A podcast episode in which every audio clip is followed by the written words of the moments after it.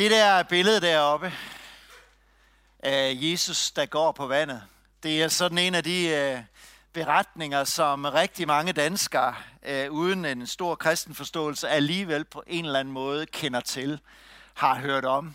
Jeg var ude og løbe i går sammen med de andre fra Randers Freja Motion, og så efter løbeturen så vi tør en tur ned i Fusingø Sø, og der kom den jo igen. Hvad så, præst? Kan du gå på vandet?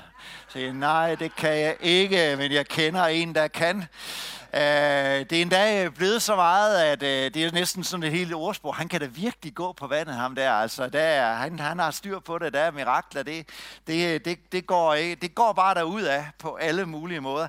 Der er sågar lavet en øh, sang om øh, det her. Jeg kan ikke gå på vandet, men jeg kan så meget andet. Jeg kan føle mig glad, jeg kan føle. Der er nogen, der føler sig godt tilpas, og så er der andre, ting, ah, kunne vi ikke få et andet nummer? Stod han bare på bundgarnspælene, eller snakkede han inden for stranden, eller alle mulige andre beretninger? Det er det, som øh, vi kommer til at være sammen om i dag. Jesus kan, fordi han har magt over naturlovene. Men før vi lander der, så øh, er vi nødt til at lige samle op på, hvor vi kom fra sidste søndag. Sammenhængen den er, at øh, Jesus han har lavet et vanvittigt bespisningsunder. 15.000 mennesker, de har fået mad på baggrund af fem brød og to fisk. Folk er ellevilde. De vil gøre ham til konge. De har aldrig nogensinde set noget før, og med magt ønsker de at gøre ham til konge, som er så stort og så vanvittigt. Og samtidig så var det med til at øge disciplenes tro og tillid til Jesus i det, de har oplevet. Og det var netop Johannes' mål med evangeliet, at igennem de syv tegn, så ønskede han, at på en eller anden måde, at læserne i Efesos og os, der sidder i dag, vi på en eller anden måde må komme dertil, hvor vi, vi fik tillid og tro på, at Jesus han er Guds søn. Og når vi får lov til at tro på det, så kan vi få lov til at få et helt nyt liv hos ham. Og de her syv tegn, de ledte disciplene og mange andre på sådan en rejse. Folket, de var bare elleville. De var meget, meget begejstrede over det, som de havde fået lov til at opleve. Messias, han var kommet, mente de, og han ville gøre flere mirakler. Han skulle befri dem fra romerne, han skulle genskabe et fysisk rige. Det var ligesom det billede, de havde for sig. Og Jesus var konge, men kroningen skulle ikke finde sted endnu, men senere. Og i øvrigt var det et helt andet rige end det fysiske rige, som han kom med. Et rige, som på nærmest kan beskrives med et frø, som puttes ind i vores hjerte, ind i vores liv, og som er i stand til at forvandle mennesket indenfra og ud. For øvrigt det eneste, der er i stand til det. Når vi får lov til at åbne vores hjerte og tror på, at Jesus er Guds søn, så er der mulighed for forvandling. Så er der mulighed for at få et helt nyt liv med nogle helt andre perspektiver, som vi ikke kendte til før. At det liv, det er det, der fjerner mørket. Det er det, der renser for synd. Alt det, vi skammer os over, det er det, der gør os til nye mennesker at åbne hjertet for Jesus. Og det fordrer alene, som Johannes han beskriver, at vi tror og modtager, at Jesus han er Guds søn. Men der skulle først komme et kors. Der skulle først være en grav. Der skulle først være en opstandelse, som også vi har sunget om den her formiddag. Hvor den her adskillelse, som skete i paradisets have, mellem mennesker og Gud skulle genoprettes. Det var grunden, og det var målet med, at Jesus kom herned og mødte os i øjenhøjde, at han blev menneske, for at købe os tilbage til Gud, og for at tilføre os et helt nyt liv, et evigt liv. Det havde folket ikke for øje, det havde de ikke syn for. Disciplerne, de så det heller ikke så meget, men de var begyndt at festne deres tro på den her mand fra Nazareth. Men folk var så begejstrede, så Jesus sagde til dem, nu går I ned øh, mod bådene, øh, mød mig i Bethsaida, og samtidig så fik han, som vi læser i de andre evangelier, Matthæus og Markus, vi er i Johannes evangeliet, så fik han folkeskarne hjem. Så læser vi i de andre evangelier, han trækker op i bjergene for at bede. Måske for at få perspektiv på tingene. For det er ikke altid nemt at være så populær, som Jesus han var her. Så der finder vi så et eller andet sted disciplene, og det er så det, vi skal læse sammen i Johannes evangeliet kapitel 6 og vers 16 til 21. Da det var blevet aften, og hans disciple, da det var blevet aften, gik hans disciple ned til søen, og gik ombord i en båd for at tage over til Capernaum på den anden side af søen. Det var allerede blevet mørkt, og Jesus var endnu ikke kommet. Jeg kan næsten fornemme en skuffelse. Søen var i oprør, for der blæste en hård vind. Da de havde tilbagelagt 25-30 stadier, sted mellem 4,5 til 5,5 km, så ser de Jesus gå på søen og nærme sig båden. Og de blev grebet af frygt. Men Jesus sagde til dem, det er mig, frygt ikke. Så ville de tage ham op i båden, og straks var båden fremme ved den sø, øh, søbred, de var på vej til. Vi har først disciplene uden Jesus her. De øh, har gjort båden klar. Vi læser i kapitel 6, vers 15, det var aften, det vil sige, det var alt andet, indtil solen gik ned. Og på en eller anden måde, så kan de ikke forstå, hvor Jesus han bliver af. Måske lidt skuffet over, at han ikke er kommet, som de havde forventet. Og deres nervøsitet, den, den stiger så. Det var mange af dem fiskere, da de ser, at begynd, vinden den begynder at rejse sig fra nordøst. Genesrets sø, den ligger 200 meter under havoverfladen. Og der var normalt omgivet af varm luft. Men nogle gange så kom der de der kolde øh, vindstød fra de østlige øh, højsletter og blæser ned over søen og giver det der oprør, oprørt hav og de der meget store bølger. Og de her stormvinde kunne forekomme med ret kort varsel og forsvinde igen lige så hurtigt, som de kom. Og de vil gerne hjem. De vil gerne op på den anden side af Kapernaum og tænker, Jesus, så må du have en anden plan, siden at du ikke kommer. Det havde han også. Og gerne inden det blev mørkt. Men den plan så de ikke umiddelbart ikke. De turde ikke vente længere. Så de hopper ombord i fiskerbåden, og så begynder de at ro. Og det blæser, og der er stiv modvind. Og de, de ror vel omkring 9 timer, og kommer fra, ved vi, fra de andre evangelier, ud til midt på søen. Og de er fuldstændig flade, de er udmatte, de er trætte. Der er simpelthen ikke mere kræfter i dem. De er bange øh, for det her uvær. De er jo fiskere, de kender uværet, de kender de farer, som var forbundet med det her. Og på en eller anden måde, så tænker de, det her, det ender galt. Og så sker der det her mirakel, at Jesus, han kommer.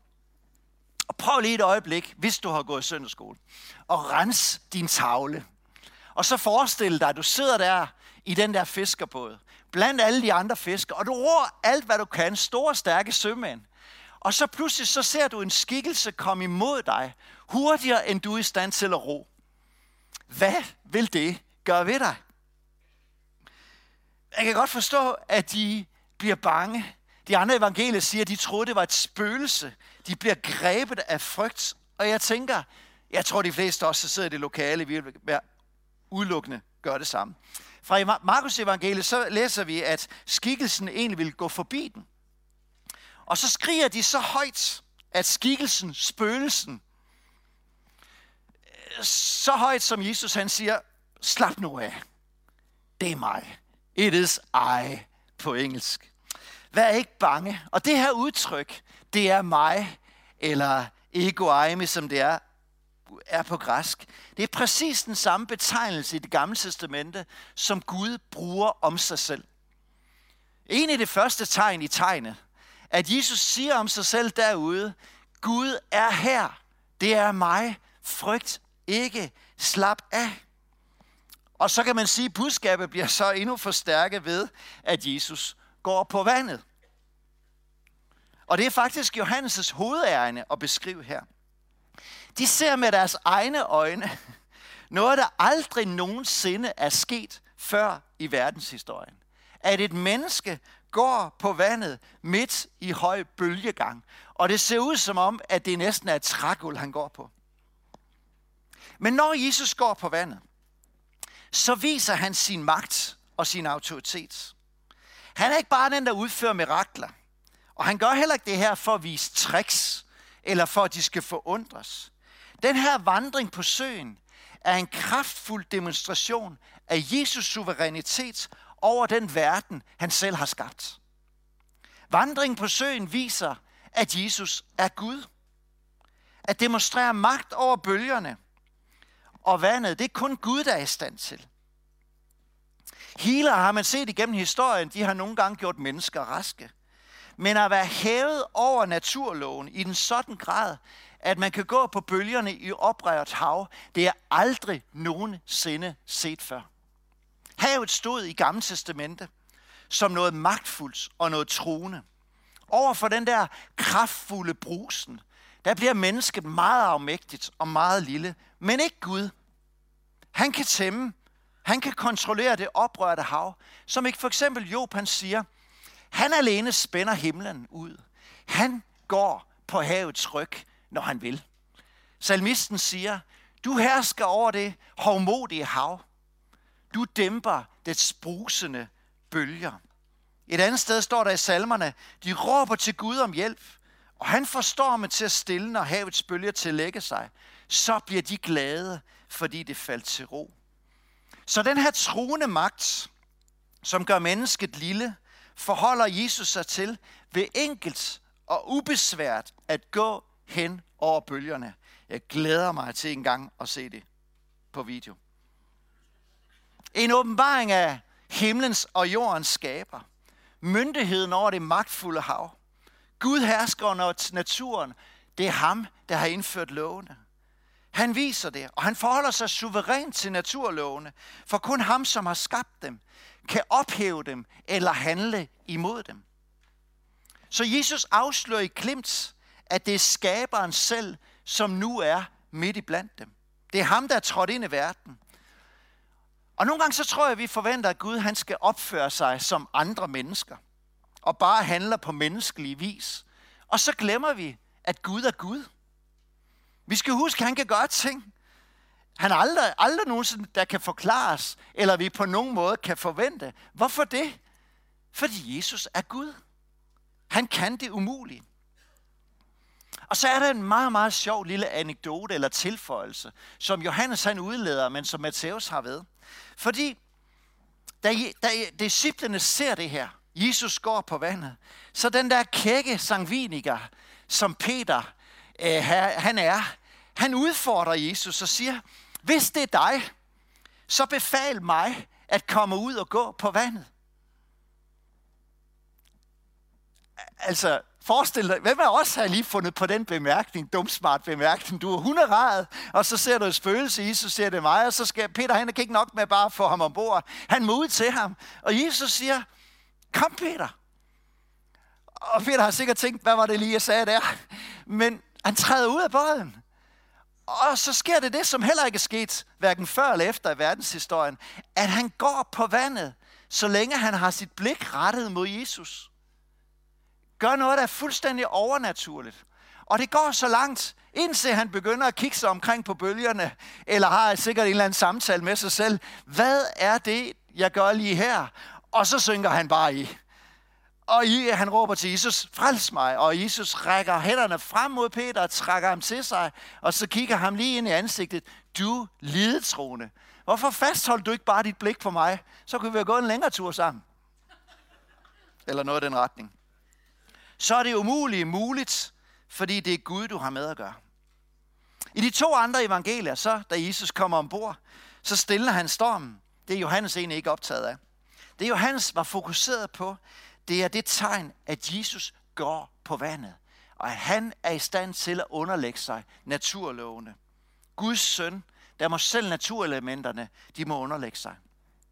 Umiddelbart ser vi ikke reaktionen, men når vi ser i, fra de andre evangelier, når Jesus kommer ombord på båden, så sker det det helt naturlige, at de kaster sig ned, de der fiskere. Og så siger de sådan her, sandelig, du er Guds søn. Havde de været i tvivl før, så var det det ikke længere.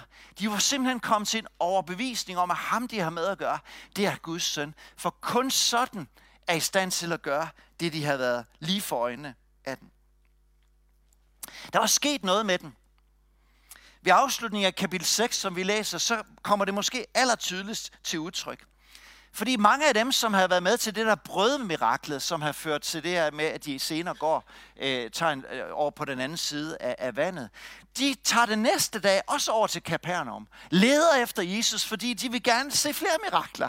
De er meget optaget af den fantastiske mand, der kan virkelig, der kan mange tricks. Og så begynder Jesus i resten af kapitel 6 at fortolke brødunderet. Han begynder at forklare, at jeg ikke bare er kommet for at velsigne, det er jeg også. Jeg er ikke bare kommet for at gøre godt og udvirke mirakler, det er jeg også. Men jeg ønsker at skabe en forbundethed med mennesket. Og så begynder Jesus at fortælle, hvordan at han, er, han er det levende brød. Han er livets brød, som er kommet ned fra himlen. Og tanken med brødrene, det var, at de skulle begynde at spise af ham og modtage liv fra ham. Han taler om at spise hans kød. Han taler om at drikke hans blod. Altså på en eller anden måde at blive assimileret fuldstændig med Jesus. For det, man spiser, det bliver jo en del af. Og der var rigtig, rigtig mange på daværende tidspunkt, som ikke var klar til det her. Gerne et mirakel, men ikke sådan et nyt liv med Jesus inden i mig. Og, og, og, og, og de forlader ham. Faktisk i slutningen af kapitel 6, dem der har råbt, du er konge, det var dem, der sagde, det var en hård tale, hvem kan holde ud på, og høre på det, og så vendte de ham ryggen.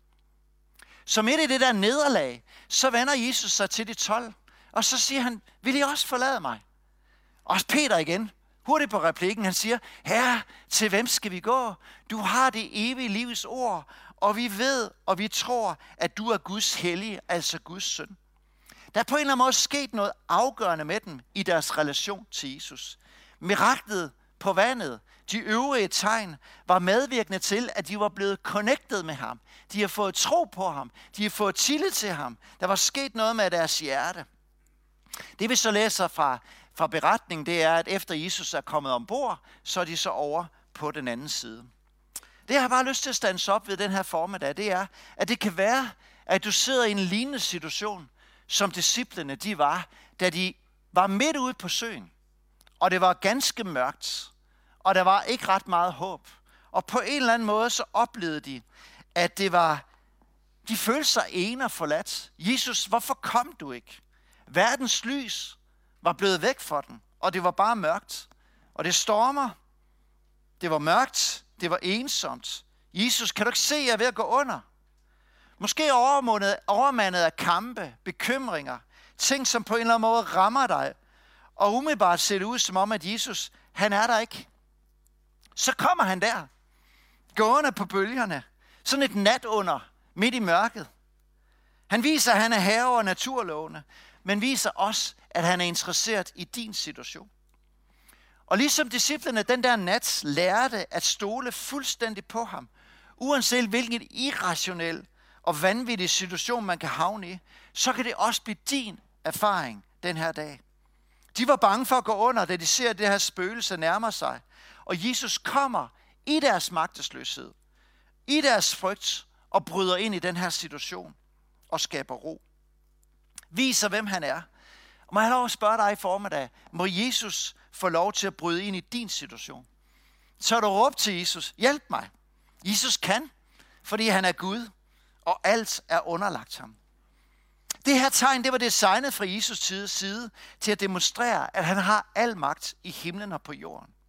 Uanset hvilke omstændigheder vi er ramlet af, også når båden gynger, midt i mørket, midt i træthed, midt i bekymringer, som nogle gange gør, at vi måske ikke kan genkende ham, så er han her den her dag for at give dig troen, for at give dig håbet, for at give dig mod tilbage, hvis du tillader ham at bryde ind i dit situation. Han er her for at velsigne dig med sit nærvær. Så giv dig selv lov til at komme til ham i dag. Han ønsker at vise sin storhed. Han ønsker at vise sit nærvær. Og han er nærmere i vores liv, end vi forestiller os. Og han er også her den her formiddag, en middagstid, for at vise det. I Isaias' bog, der står det sådan i kapitel 43. Går du gennem vand, så er jeg med dig. Gennem floder, så skyller de ikke sammen over dig. Vi havde sådan en mørk oplevelse for en lille måneds tid siden, Trine og jeg. Faktisk lige efter en fantastisk oplevelse ude på Østervold, hvor der var gospelkoncert, så bliver vi ringet op af vores yngste søn. Han er kommet slemt til skade, og vi skal skynde os at komme til Nordsjælland.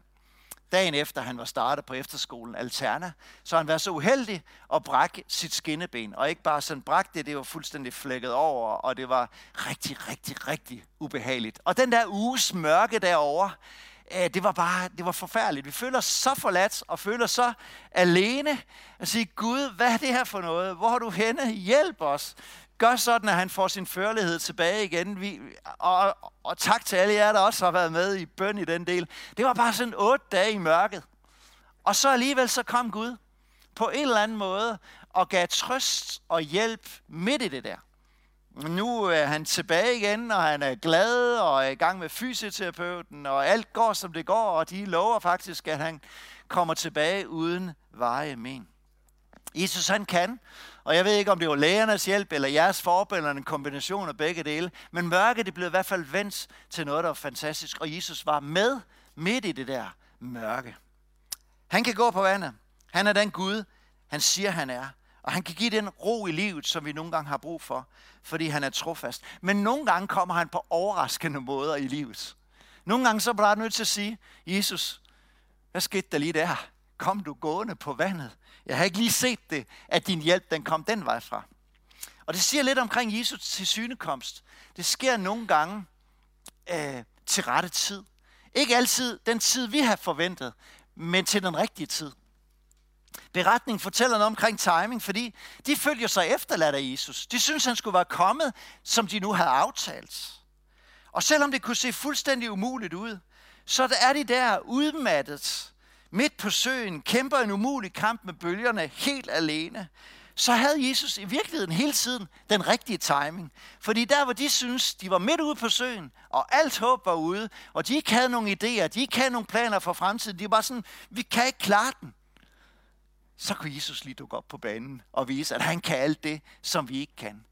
At det går an at have tillid og stole på ham. Det går an at lægge sin æg i den kurv og have tillid til, at han, som har al magt på jorden, oppe på i himlen, han er også i stand til at komme lige på det rigtige tidspunkt, der hjælper os ud af mørken. I virkeligheden så testede han deres tro, så de lærte at have tillid til dem selv. Ikke til dem selv, men til Jesus, og ikke til deres egen formåen. Han kommer på rigtigt tidspunkt, og ikke altid vores tidspunkt. Og når vi ser tilbage, så er det historien om Jesus, der gør tingene på sin egen måde, og gør tingene på den rigtige tidspunkt. Da vi flyttede til Randers der for godt og vel fire år siden, så lagde alting sig til rette, undtagen salget af vores hus. Og vi var, for at sige helt ærligt, ret frustrerede på Gud. Hvordan kan det være, at det hele falder på plads, og så kan vi ikke komme af med det hus, som på en eller anden måde, tænker vi, skulle lede os ind til en ny tid i Randers. Tænk, det skal ligesom afslutte med det. Så sker der så det, lang historie kort, at der kommer et par til os og spørger, som vi kender godt, kan vi ikke få lov at lege det hus? Vi har ikke mulighed for at købe selv, og vi indgår så sådan en kontrakt, der slutter, er sluttet her for i, i sommer for øh, fire år efter. Og, og det har været de mest fantastiske fire år. De føler, at de har fået drømmehuset, og vi oplever, at vi pludselig har et hus derude, som ikke engang, når vi har ikke vores tillid til pension og alt muligt andet, men om 10 år, så kan det på en eller anden måde realiseres og gøres til en eller anden virkelighed. Så det der var den forkerte timing, det er i virkeligheden den største økonomiske velsignelse ind i vores liv. Er det ikke typisk Gud at vende tingene på en eller anden måde, som vi ikke lige har set det komme fra den vej? Jeg tror, der er gemt en opmuntring til os, til at bevare håbet, også når vi føler os efterladt alene og spørger Jesus, vis mig din timing. Overgiver mig selv til dig, og ønsker ikke at fikse det selv. Jeg stoler på dig, og måske du har brug for den her formiddag, middagstid, at sige, Jesus, jeg tør vente på dig. Jesus han beroliger dem ved at tale til dem. Og da de genkender hans røst og tager ham ind i båden, så kommer der ro på igen. Og jeg tror også, Jesus den her dag ønsker med sin blide røst at tale til dig. Måske give dig et ord. Måske give dig en indskydelse. Måske give dig ro i sjælen og vidstheden om, at Jesus han er i kontrol. Og hjælp dig til at forstå og måske vise, hvad der er næste skridt, for at du rammer ind i den rigtige timing. Jesus kom. Ham, der helbreder over tid og afstand. Ham, der er herre over kvalitet og kvantitet. Han er også herre over den verden, som han selv har skabt. Og i glimtvis som her, så ser vi den åbenbaring af skaberen selv, der kommer. Og da han kommer gående, så falder de ned for ham, fordi han er Gud. Og jeg har lyst til at opmuntre dig den her dag til at se hen til Jesus. Og lad troen rejse sig. Og lad ham få lov til at vise sin storhed, også ind i dit og mit liv. Han er her for at vise sin almagtshånd. Jeg ved ikke, om du har brug for et fysisk mirakel. Jeg ved ikke, om du har brug for en velsignelse fra Jesus. Der er ikke noget, der er for stort. Der er ikke noget, der er for småt. Han er her for at gribe ind. Han er her for at velsigne. Han er her for at gøre godt. Og han kan fordi han er den, han er. Så når vi i nogle få minutter skal gå over i lovsang og tilbedelse igen, så benyt den anledning, vi har forbøn her fra min venstre side, til at få sådan en bøn med i formiddag. For Jesus, han kan, når vi rækker ud til ham. Jeg ved ikke, hvordan du har lyst til at modtage Jesus. Disciplene, de troede, han var Guds søn. De erklærede ham som herre i deres liv på baggrund af det, de havde erfaret. Og hvis du sidder den her dag, så har du samme mulighed. At tro på, at Jesus er Guds søn. Og det er egentlig ganske enkelt at lukke ham ind i dit hjerte. Byde ham velkommen ind som din herre og din ven. Han, som har al magt i himlen og på jorden. Han inviterer dig ind i en relation til ham. Der er ikke et sæt regler, der er ikke et sæt bud, men der er en livsrelation, han er optaget af. Og det eneste, du har brug for, det er at åbne dit hjerte. Så vil han med sin ånd skabe nyt liv. Der, hvor der er død, liv. Der, var der mørke, lys. Der, var der håbløshed, håb. Fordi det er det, han er, og det er det, han bringer med sig. Han er her for at frelse og skabe nyt liv. Så hvis du ønsker at give dit liv til Jesus, så kan du gøre det den her formiddag ved, når vi synger og træder ud af rakken, og bede forbederne om at bede en bøn sammen med dig. Du kan også, hvis du ser med dig hjemmefra, ringe til det nummer, som der kommer på skærmen. Og der vil være mulighed for at få forbøn, også for den, som sidder i den anden ende af røret. Det kan også være, at du har brug for at gøre som Peter. Hvis det er dig, så lad mig komme ud på vandet. Måske du har brug for at være aktiv handlende. Hvis du er i tvivl om Guds eksistens, så gå til ham. Søg ham. Spørg ham. Han kan godt snakke. Han kan godt tale. Det er i virkeligheden ham, der kan overbevise menneskers hjerte. Det er ikke mine flotte ord, eller det er flotte samling, eller god stemning. Det er ham alene, der er i stand til at skabe nyt liv og nye mennesker, også i dag. Det er ham, der kan overbevise menneskehjerter. Og hvis dit ønske det er ægte, så skal du erfare, at Jesus han er, og det er sandt, det han siger. Så sad jeg i forberedelsen og har sådan en fornemmelse af, at der er nogen også den her dag, som på en eller anden måde har brug for at gå på vandet. Jeg ved ikke, om det er din tur til at gå på vandet. Jeg tror, der er nogen Gud kalder til på en særlig måde at gøre noget, du aldrig har gjort før. Og du har brug for at opleve at gå på vandet. Der er et kald til at gøre noget, som på en eller anden måde ligger dig på hjertet. Der er noget, der kalder på dig. Og du tænker, det her, det skal jeg, men det magter jeg ikke. Men når Jesus siger, kom, så er der også et guddommeligt indgreb. Så er der også en kraft til at gå på det ord, som han siger. Så når han siger, kom ud på vandet, gå på vandet sammen med mig, så er det den her tro og tillid, du skal hægte dig fast i, når du går ind og gør noget nyt. Så behøver du ikke at gå under, så længe du ser på ham. Så længe du fastholder dit blik på ham. Og så vil din relation til Jesus på en eller anden måde nå nogle nye dybder og en ny forståelse, fordi du går ud på noget, som du bare ved er rigtigt. Og når det bekræftes sit hjerte, så ved du på en anderledes måde, at det er sandt, det han siger, og du kan stole på Jesus, som er Guds søn. Så hvis det er dig, så grib ud efter forbøn den her formiddag. Tag beslutningen om at kaste dig ud i det ukendte, når du fornemmer, at der sådan ligger et kald til det, fordi vandet bærer. Kan jeg bede lovsangen om at komme frem? Kan vi rejse os op? Jesus han kan, og det kan han, fordi han har magt over naturlovene. Fordi han er den, han er. Ego eime. Han er Guds egen søn. Og det vil han gerne vise os den her formiddag. Så lad os søge hans ansigt sammen. Og jeg kan opmuntre dig til at give en respons på Guds ord. Hvis noget af det her i formiddag, det på en eller anden måde ramt i dit hjerte, så reager ved at søge forbøn. Lad ham få lov til at vise sin magt, Vis sin styrke ind i dit liv. Uanset hvad det er, du sidder med af behov. Om det er et fysisk et, om det er at lukke Jesus ind i hjertet, om det er en velsignelse, eller det er at gå på vandet, eller det er på en eller anden måde at række ud efter ham, fordi du er havnet i en mørk og en håbløs situation. Det vil bede sammen. Og lad os åbne vores hjerter for Jesus. Lad ham få lov til at tale. Lad ham få lov til at virke i dit og mit liv lige nu. Og jeg ved ikke, hvad på en særlig måde du griber fat i i Guds ord den her formiddag. Men jeg har bare lyst til at opmuntre dig til at respondere på det. Der hvor du kan mærke, der er noget, der skal ske her. Der er noget, der skal gøres. Forbeder, I må gerne komme frem. Jesus, tak fordi du er her. Tak fordi du er her for at møde os.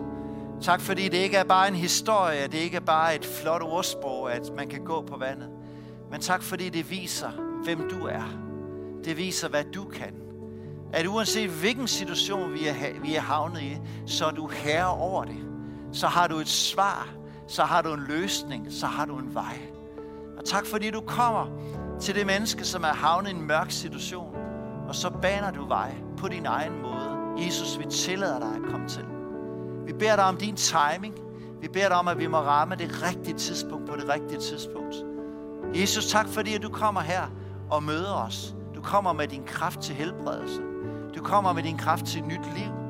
Du kommer med, med nyt håb og nyt mod til den, som er havnet i en besværlig situation. Gud, vi ønsker bare at åbne vores hjerte for dig. Vi ønsker, at du skal komme og skabe nyt liv. Jesus, vi priser dig.